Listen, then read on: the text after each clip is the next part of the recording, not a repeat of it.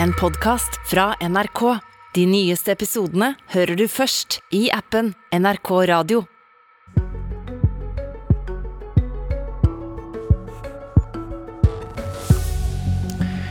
Hytteeiere er som folk flest. Er det et argument for strømstøtte også til deg? Og hva svarer vi når Russland innlemmer deler av Ukraina i Russland? Og iallfall hvis det er russerne som står bak sabotasje av gassrørledninga. Det er store spørsmål når Russland tar konfliktene over i en ny fase. God morgen, utenriksminister Anniken Huitfeldt. God morgen. Tryggingsrådet i FN, der Norge sitter, drøfter i dag om en skal fordømme Russlands innlemming av fire ukrainske regioner. Er vi der nå at verden kommer til å samle seg mot Russlands eh, handlinger, også land som eh, Kina og India?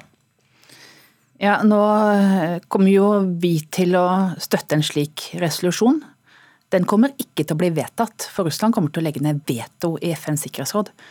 Men generalsekretæren har vært meget klar i sin fordømmelse om at dette er brudd på FN-pakten. Det å gå inn og arrangere en såkalt folkeavstemning med militære trusler bak, det er ikke en situasjon som vi kan akseptere. Mm. Har det noe å si om um, de andre FN-landene samler seg om en fordømming? Ja, det er viktig. Og det er klart at det er mange land som i utgangspunktet har vært mer nøytrale. Da kan man si til eh, denne folkerettsstridige okkupasjonen av deler av Ukraina, som vil se på det å arrangere folkeavstemning med andre øyne. Husk at kartet i verden er jo tegna på ulike måter og går jo tvers igjennom ulike befolkningsgrupper. Og Hvis det er sånn at man kan eh, arrangere en folkeavstemning i eh, grenseområdene til nabolandet, og så innlemme de delene da i sitt eget land, så vil det føre til kaos i veldig store deler av verden. Har Putins innlemming av ukrainske regioner i Russland potensial for å dra Nato mer direkte inn i denne konflikten? Nei, men retorikken fra russisk side mot Vesten, den tror vi kan komme til å øke i tida som kommer. Det vi gjør er jo å støtte Ukraina med våpen, med økonomisk støtte og på alle mulige andre måter. Men vi ønsker jo ikke noe militær konfrontasjon, slik du nå beskriver. Men det er det jeg lurer på, for hvis vi holder fram da med å forsyne Ukraina med våpen til krig, og det gjør vi vel, men da i områder som nå fra Russland blir definert som russiske. Vil da, Forventer du at Putin da vil definere det slik at vi er med på å angripe Russland? Jo, men Folkeretten har jo det i seg at et land kan ikke bestemme det som er internasjonalt folkerett. Eh, slik at han vil jo si at dette nå er en del av Russland, men det endrer ikke realitetene på bakken. Og det er fortsatt mange ukrainske soldater inne på de mm. områdene som han nå sier er en del av Russland. Men én ting er det folkerettslige, det jeg lurer på er hva endrer det hvis han definerer det som at det nå da blir en mer direkte konflikt mellom oss som støtter eh, ukrainerne, at vi angriper eh, Russland? Ja, Det endrer jo ikke i utgangspunktet situasjonen, men det betyr jo at han mener da at disse områdene i øst har samme status som Krim. Men det er jo ikke folkerettslig gyldig, den type argumentasjon.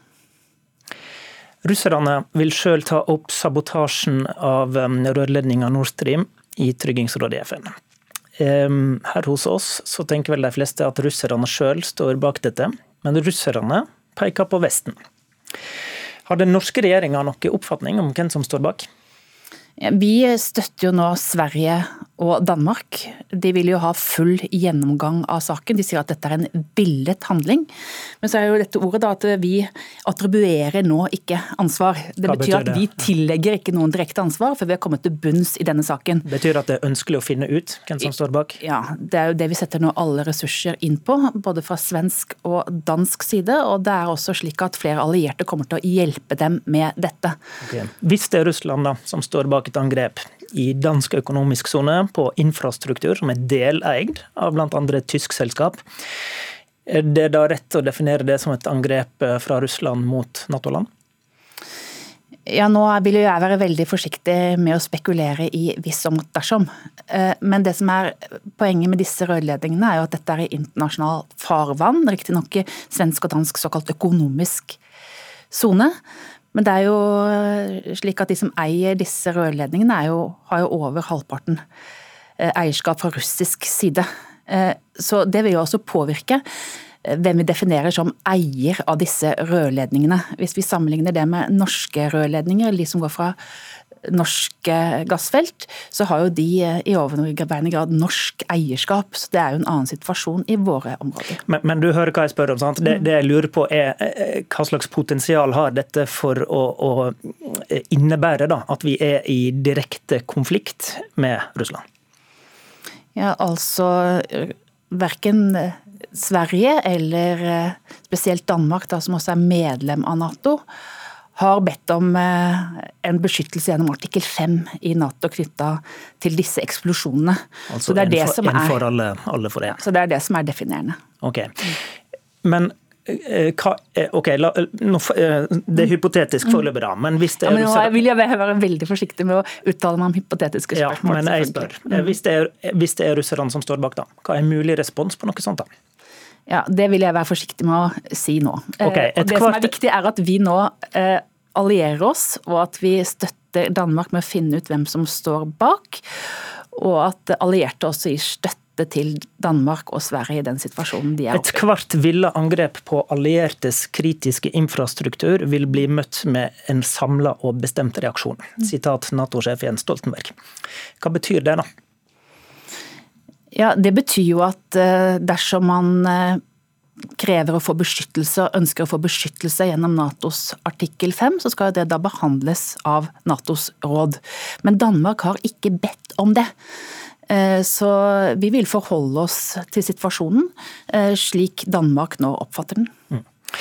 Er vi der nå at um, vi i Nato planlegger mot trekk mot ei utvikling av krigssituasjonen? Det vi gjør nå, er jo å styrke det europeiske samholdet. Fortsette å gi våpen til Ukraina.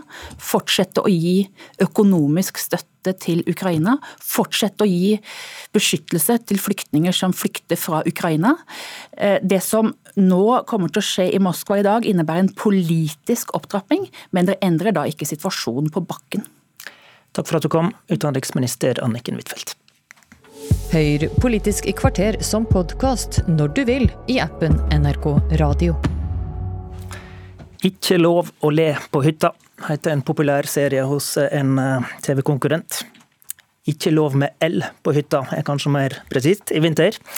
For som NRK har fortalt i dag, er hytteeiere til forveksling lik vanlige folk. De er litt eldre, tjener i snitt litt mer, men ikke veldig mye.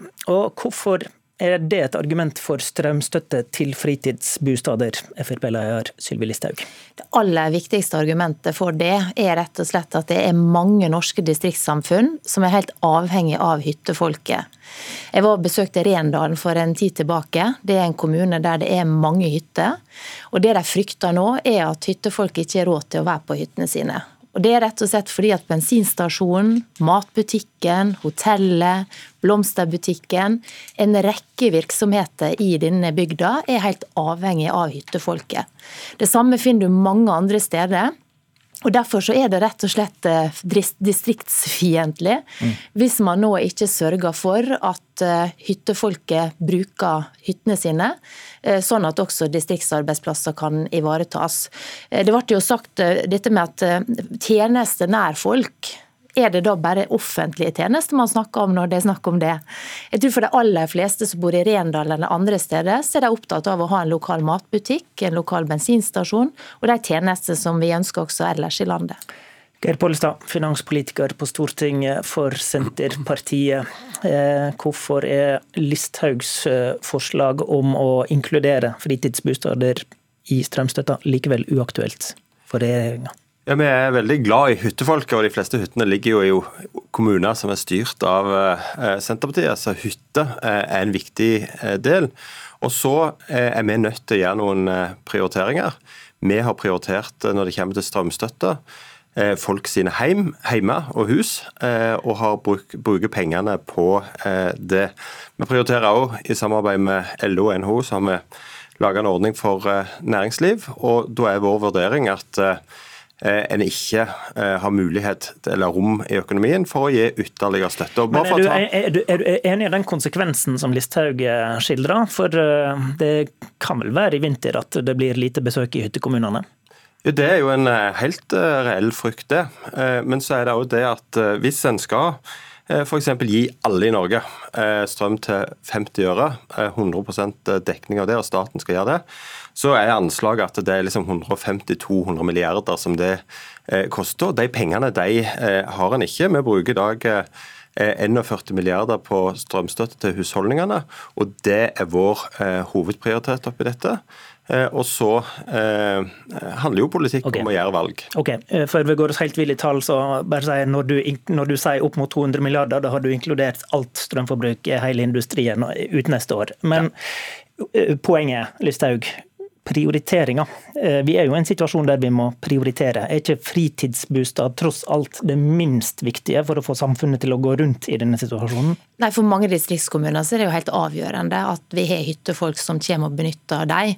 Og så er det jo litt rart at man sitter og bruker eh, voldsomme tall her, som i hvert fall ikke vi får til svar når vi spør Finansdepartementet hva dette her vil koste. Tvert imot så er det svært vanskelig å si det.